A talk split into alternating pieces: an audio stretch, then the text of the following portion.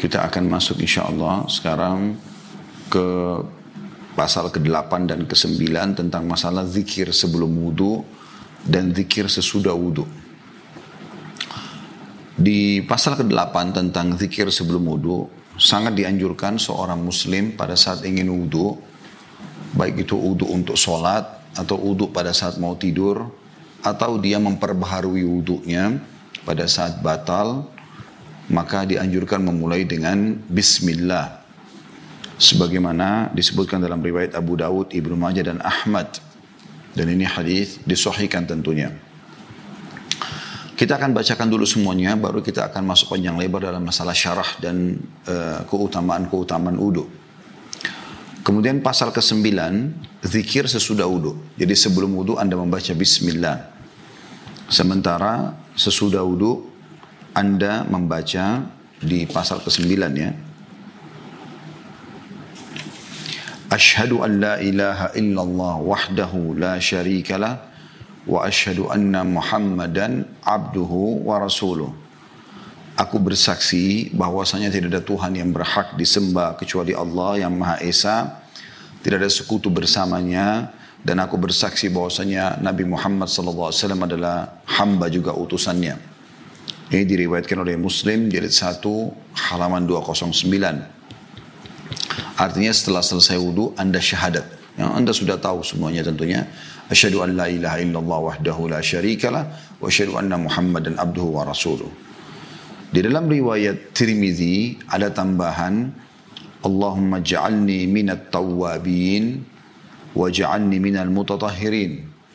Ya Allah, jadikanlah aku orang yang selalu bertaubat kepadamu dan jadikanlah aku termasuk orang yang selalu bersuci. Kemudian dan ini diriwayatkan Tirmidzi di satu halaman 78. Doa yang terakhir adalah mirip dengan kafaratul majlis. Ya. Kalau anda mau berdiri dari majlis, anda disunahkan membaca Subhanakallahumma bihamdika asyhadu an la ilaha illa anta astaghfiruka wa atubu ilaik. Maha suci engkau ya Allah, segala puji untukmu. Aku bersaksi bahwasanya tidak ada Tuhan yang berhak disembah kecuali engkau. Aku beristighfar dan bertobat kepadamu. Dan ini diriwayatkan oleh An-Nasai dalam Amal Yom Walayla di halaman 173. Baik teman-teman sekalian, coba kita lebih dalam membahas tentang doa-doa ini. Pertama tentu dengan mak tentang makna doa-doa ini, baru kemudian kita masuk ke masalah uduknya sendiri. Bismillah adalah kalimat yang banyak dianggap remeh oleh umumnya kaum muslimin. Sehingga mereka tidak sering mengucapkan kalimat ini. Padahal bismillah ini saudara kusiman adalah anda sedang menyebut nama pemilik seluruh yang ada di alam semesta ini. Bahkan diri anda sendiri. Dan kalau anda memulai setiap aktivitas dengan bismillah, Tentu selain kemaksiatan kepada Allah. Kalau orang zina atau berbuat dosa tidak boleh membaca bismillah. Tapi di sini selain daripada itu, maka dalam hadis Nabi SAW, Kullu amrin la yabdu bismillah fahuwa aqta. Semua perkara yang tidak dimulai dengan bismillah, maka dia terputus dari rahmat Allah. Sebaliknya, kalau orang mengucapkan bismillah, maka Allah berikan keberkahan di situ. Anda mau makan, mau minum, mau menggunakan pakaian, aktivitas apa pun. Termasuk pada saat ingin memulai ibadah yang mulia, wudhu. Ya. Jadi saya berharap kata-kata ini atau ucapan ini jangan pernah dianggap remeh. Bismillah sangat mulia. Menyebut nama sang pencipta Allah subhanahu wa ta'ala. Maka kita menyadari kalau kita adalah hamba Allah, kita pun menyadari apa yang sedang kita akan nikmati baik makanan, minuman, pakaian, tempat tinggal atau yang akan kita lakukan juga ciptaan Allah Subhanahu wa taala. Kemudian setelah wudhu dianjurkan mengucapkan dua kalimat syahadat.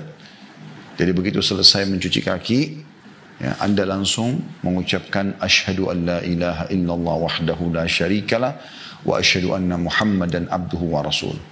Pertanyaan kecil saudaraku simak. Kenapa ada syahadat? Bukankah syahadat ini diucapkan bagi orang yang pertama masuk Islam? Maka Sebagian ulama menitik beratkan bahwasanya ini menandakan pentingnya justru dua kalimat syahadat. Dan bagaimana seorang muslim selalu memperbaharui keislamannya dengan syahadat itu. Makanya di setiap tasyahud ya sampai dinamakan tasyahud kita membaca pada saat tahiyat sebelum salam di sholat sunnah ataupun wajib asyhadu an la ilaha illallah wahdahu la syarikalah wa asyhadu anna muhammadan abduhu wa rasul ya. Berarti kita menandakan selalu memperbaharui itu dengan syahadat tadi. Begitu juga di sini selepas wudhu berarti syahadat kalau kita hubungkan antara wudhu sama sholatnya di wudhunya kita dianjurkan membaca syahadat dan di sholatnya pun di tasyahud kita membaca syahadat ini menandakan pentingnya kedudukan kalimat ini. Jadi bukan hanya sekedar ucapan orang mau masuk Islam. Dan yang kita butuhkan di sini teman-teman sekalian adalah sesuatu yang lebih dalam dalam memahami kalimat yang sedang kita ucapkan. Asyhadu an la ilaha illallah wahdahu la syarikalah. Aku bersaksi tiada Tuhan. Tuhan itu pencipta, pemilik, penguasa. Di seluruh alam raya, di alam semesta yang luas ini, kita pun bumi kita ini hanya seperti seperti debu dibandingkan bintang-bintang yang miliaran jumlahnya di alam semesta.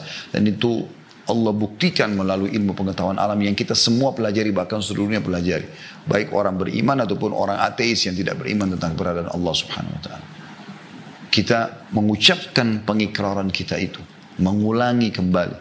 Aku bersaksi tidak Tuhan yang berhak disembah kecuali Allah. Kemudian tidak ada sekutu bersamanya. Dalam semua aktivitasnya Allah itu Esa, tunggal. Dan ini kalimat karena inilah kalimat la ilaha illallah, bumi ini ada, alam semesta ini ada. Adanya perintah, adanya larangan, adanya surga, adanya neraka.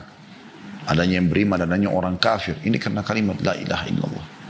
Dan kalimat la ilaha illallah ini Allah jadikan sebagai kalimat ya, yang menjawab seluruh pertanyaan kita. Kalau anda bertanya kok bisa? Ya coba anda renungi. Sekarang kalau anda tidak memahami la ilaha illallah.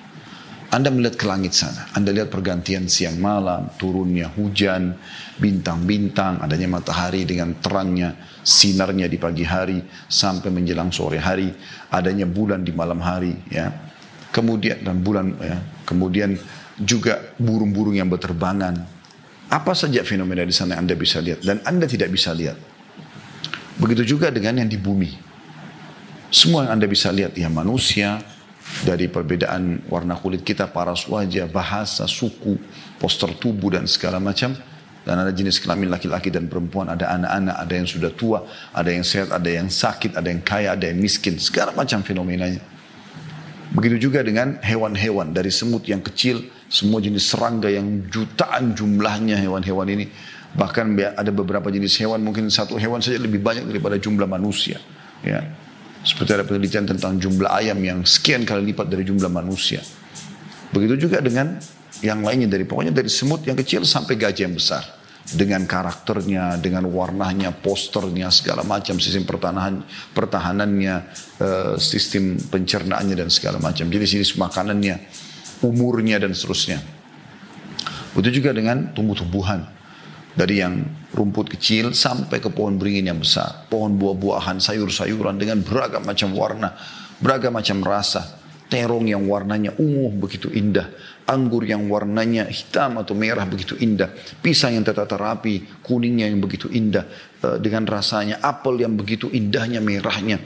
Eh, dan sekian banyak jeruk dan sekian buah-buahan yang lain, manggis, durian, semua yang Anda bisa lihat. Dan Anda mungkin ada di Indonesia yang tidak ada buah Ya, ada tapi ada di negara lain.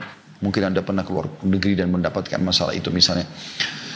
Begitu juga dengan yang lainnya. Ada api, ada air, ada udara, ada batu, ada segala macam. Ini semua yang terjangkau dengan Anda.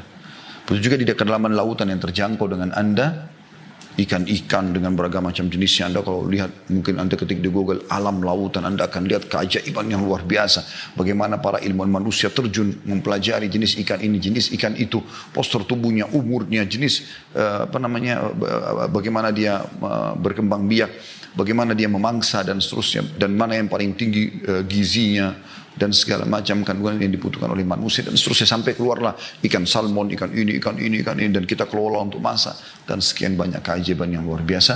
Di lautan yang luas yang merupakan uh, da, lautan itu lima kali lipat lebih besar daripada daratan. Keajaiban yang luar biasa gitu kan. Semua itu yang terjangkau dengan mata anda. Di langit, di daratan, di lautan. Dan yang tidak terjangkau dengan pikiran atau mata kita. Tidak terjangkau, tidak semua Ya, sebagaimana orang-orang komunis atau ateis membahasakan harus terjangkau oleh mata baru kita anggap keberadaannya. Lalu bagaimana dengan perasaan Anda pribadi? Rasa sakit, rasa suka, rasa sedih, ya, kenyang, lapar. Anda kan bisa rasakan, tapi apakah Anda tahu wujudnya seperti apa? Anda tidak tahu. Betul di alam sekitar kita ini ada juga yang kita tidak bisa lihat wujudnya, tapi kita bisa rasakan keberadaannya. Ini menandakan adanya hal yang gaib. Ya keberadaan malaikat, keberadaan jin, keberadaan sang pencipta Allah subhanahu wa ta'ala. Dan Allah memuji dalam awal surah Al-Baqarah. Alladzina yu'minu bil ghaibi wa yuqimuna salat wa mimma razaqnahum yunfikun. Yaitu orang-orang yang beriman kepada gaib. Mendirikan salat, mendirikan zakat. Gitu kan? Semua itu teman-teman, jawabannya untuk semuanya. Dari mana asalnya, siapa yang mengaturnya, siapa yang mengadakannya, menciptakannya, siapa yang menyiapkan kebutuhannya, makanan dan minumannya dan seterusnya adalah jawabannya la ilaha illallah. La ma'budu bihaqqin illallah. Tidak ada Tuhan yang berhak disembah kecuali Allah. Maka dengan mengucapkan ikrar syahadat ini, asyhadu an la ilaha illallah, aku bersaksi tidak Tuhan yang mengurus, yang menciptakan, yang mengadakan, yang menghancurkan bahkan di langit dan di bumi terjangkau oleh mata saya atau tidak kecuali Allah dan tidak ada sekutu bersamanya. Terus kita tambah wa asyhadu anna Muhammad dan abduhu wa rasul. Aku pun bersaksi bahwasanya Muhammad adalah betul-betul hamba juga utusannya. Kayak ini teman-teman sekalian, ikrar syahadat yang luar biasa. Dan kita disuruh ulang-ulangi agar kita merenungi kembali maknanya. Setiap habis wudhu dan juga pada saat anda sholat. Gitu kan. Kemudian setelah mengucapkan syahadat setelah wudhu, anda dianjurkan menambahnya Allah maj'alni minat tawwabin. Sekali lagi saya masih bicara tentang lingkup makna secara umum ya. Kita akan masuk lebih dalam lagi insya Allah sebentar lagi. Ya Allah jadikanlah aku termasuk orang-orang yang suka bertaubat. Allah maj'alni minat tawwabin. Dan ini menandakan Nabi SAW tentu melalui uh, yang diperintahkan oleh Allah SWT untuk selalu mengingatkan kita. Agar kita selalu bertaubat. Taubat artinya kembali kepada Allah Subhanahu Wa Taala. Ya Allah jadikanlah aku selalu orang-orang yang bertaubat. Karena orang udu, orang sholat, kan ingin kembali kepada Allah subhanahu wa ta'ala. Dan taubat adalah amal yang paling dicintai oleh Allah subhanahu wa ta'ala. Termasuk amal yang dicintai oleh Allah subhanahu wa ta'ala. Kata Nabi SAW, tidak ada, itu uh, Allah sangat gembira dengan taubat hamba-hambanya. Gitu kan. Allah gembira dengan taubat kita. Sebagaimana atau lebih gembira daripada seseorang yang terkadang yang pergi ke padang pasir yang tidak bertuan dia bawa semua bekal-bekalnya kemudian dia tertidur di bawah sebuah pohon lalu hilang uh, tunggangannya, untanya dan bekal-bekalnya. Dia cari keliling tidak temukan. Kemudian dia pun sudah putus asa. Lalu dia mengatakan saya coba kembali ke pohon tadi yang saya ya, uh, tidur. Semoga saya saya bangun dalam kondisi saya sudah meninggal dunia. Maka pada saat dia kembali kata Nabi SAW lalu dia tidur lalu dia terbangun ternyata dia temukan unta dan tunggangannya itu ada di situ. Ya. Apa yang terjadi? Bagaimana gembiranya dia? Dia bisa melanjutkan kehidupan begitulah Allah subhanahu wa ta'ala digambarkan oleh Nabi SAW lebih gembira daripada orang tersebut dengan taubat hambanya. Jadi taubat ini sebuah ibadah yang luar biasa. Taubat inilah teman-teman pintu yang membuka kembali semua fasilitas yang sudah Allah atau Allah akan siapkan buat anda yang anda sudah tutup sendiri. Dengan cara anda sendiri tentunya ya Tadinya menutupnya dengan bermaksud kepada Allah SWT. Taubat membuka semua itu kembali. Dimaafkan. Kata Nabi SAW, At-taubat jubbu maqablah. Taubat membersihkan semua segala satunya. Waktu Amr bin As radhiyallahu anhu masuk Islam, orangnya sangat cerdas. Terkenal sekali. Ya. Sebelum masuk Islam setelah masuk Islam dia gunakan kecerdasannya untuk membela agama Allah Subhanahu wa taala. Semua orang datang syahadat tanpa syarat. Langsung sudah tertarik hatinya syahadat selesai. Waktu Amr bin As, Nabi SAW ulurkan tangan untuk terima dia syahadat, dia mengatakan, Ya Rasulullah, saya mau syahadat tapi saya punya syarat. Kata Nabi SAW, apa syaratmu? Orang semua heran, tidak pernah ada orang masuk Islam waktu itu mau mengatakan saya mau punya syarat. Dia bilang saya punya syarat agar Allah memaafkan. Saya masuk Islam tapi dengan syarat Allah memaafkan semua kesalahan saya masa lalu. Terlalu banyak dosa saya kepada anda, kepada Allah, kepada agama ini. Saya mau masuk Islam tapi semua bersih. Saya mau mulai dari awal. Cerdasnya luar biasa. Gitu. Dia minta itu. Maka Nabi SAW tersenyum lalu mengatakan, Wahai Amr, apa kau belum tahu? Kalau Islam Ya, begitu orang masuk Islam, membersihkan semua kesalahan yang lalu. Kalau taubat, membersihkan semua kesalahan yang lalu. Ya, kan? Jadi perbuatan taubat ini yang kita diingatkan dan kita teman-teman sekalian tidak akan mudah bertaubat untuk melakukan sebuah aktivitas kecuali Allah Subhanahu wa taala izinkan kita. Makanya kita minta, Allah maj'alni minat tawabin. Ya Allah jadikanlah aku termasuk orang yang suka bertaubat. Waj'alni minal mutatahirin dan jadikan juga aku orang yang suka bersuci. Dan ini menandakan teman-teman potongan keluar dari doa setelah wudhu ini itu adalah kemuliaan seseorang muslim juga terlihat dari kebersihan dia bersihnya pakaiannya, penampilannya, ya dari najis, dari kotoran, ya, orang muslim, bukan orang yang kotor. Kata Nabi SAW, Inna Allah jamil, yuhibbul jamal, Allah indah, suka dengan keindahan. Maka Allah pun memerintahkan orang beriman untuk itu. Ya. Dalam salah satu ayat Allah berfirman, A'udzubillahi minasyaitonir ya alladzina ya ayuhan ya bani Adam, khudhu zinatakum inda kulli masjid. Hai anak Adam, ambil perhiasan terbaikmu pada saat kau ke masjid. Saya pakaian terbesim, Hari Jumat kita disuruh pakai baju yang bagus, minyak wangi, mandi wajib bagi laki-laki Jumat. Itu luar biasa. Dan kita disuruh tampil. Nabi SAW tampil dengan sangat bersih. Ya. Sampai-sampai para sahabat kagum pada saat melihat Nabi SAW dengan ketampanannya. Ka'ab radhiyallahu anhu pernah melihat bulan purnama di depan rumah Nabi SAW dan dia bilang saya kagum dengan bulan itu. Begitu saya begitu uh, saya lagi kagum melihat bulan tersebut, tiba-tiba pintu rumah Nabi SAW terbuka dan Nabi keluar baru selesai mandi menyisir rambutnya dengan rapi SAW dan menggunakan jubah berwarna merah. Maka aku pun melihat Nabi SAW, aku melihat beliau lebih indah daripada bulan itu. Beliau sangat gemar dengan minyak wangi, wangi-wangian. Sehingga setiap sahabat datang, ada yang mengatakan saya ber, uh, mencium bau wangi Nabi SAW dan di telapak tangan kena salaman, itu tertinggal sampai beberapa hari. Karena sukanya dengan kebersihan dan kerapian. Dan itu bagian daripada Islam. Dan kita juga di sini minta agar Allah subhanahu wa ta'ala menjadikan kita orang yang suka bersuci. Dan ingat Allah cinta dengan orang yang suka bersih. Karena Allah mengatakan um, dalam salah satu ayat tentang penduduk Kuba ya la masjidun ussisa ala taqwa min awwali yawmin haqqu an taquma fi fihi rijalun yuhibbuna yatahharu Allah yuhibbul mutahhirin Masjid yang dibangun di atas asas ketakwaan yaitu Masjid Kuba. Lebih pantas kau sholat di situ, hai Muhammad. Karena waktu itu ada orang munafik minta Nabi SAW sholat di Masjid Dirar. Masjid yang dibangun untuk memerangi Islam. Dan Nabi SAW diberitakan oleh Allah untuk merubuhkan dan membakar masjid tersebut. Nah, kemudian Nabi SAW diingatkan Allah, kau sholat di masjid yang dibangun di atas ketakwaan Masjid Kuba lebih baik. Ya.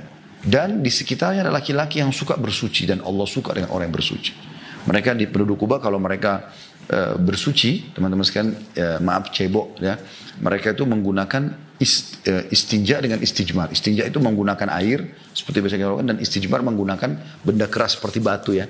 Ya, biasanya orang menggunakan kalau tidak ada air mereka menggunakan uh, batu yang seperti itu. Tapi penduduk Kuba karena sucinya bersihnya suka menggabungkan keduanya agar meraih pahala dari keduanya. Jadi kita pun minta kepada Allah SWT setelah berwudu agar dijadikan orang yang suka dengan bersih, dengan rapi. Subhanallah saya temukan memang orang yang suka dengan wudu ini. ya Seringkali kita temukan memang bercahaya ya. Dan, dan orang ini kelihatan bersih gitu. Kelihatan bersih ya. Nanti akan kita bacakan insya Allah uh, hadisnya, keutamaannya ya. Ini kita masih baca maknanya secara umum dulu. Ya. Kemudian juga ada doa yang terakhir yaitu subhanakallah wa bihamdika maha suci engkau ya Allah dan segala puji bagimu. Asyhadu an la ilaha illa anta astaghfiruka wa atubu ilaik. Aku bersaksi dari Tuhan yang berhak disembah kecuali engkau dan aku beristighfar kepadamu dan taubat kepadamu. Nah ini biasa dibaca juga dengan atau doa pada saat mau berdiri dari majlis. Yang kata Nabi SAW siapa pun yang membaca doa ini pada saat berdiri dari majlis maka akan dibersihkan kesalahannya dalam majlis tersebut gitu kan. Nah di sini dibaca juga setelah wudhu setelah wudhu. Dan ini punya keutamaan yang sangat besar sekali, luar biasa. Baik ini makna umum dulu ya. Makna umum kita minta agar Allah subhanahu wa ta'ala membersihkan dosa-dosa kita saat kita sedang selesai berwudhu. Ya, selesai berwudhu.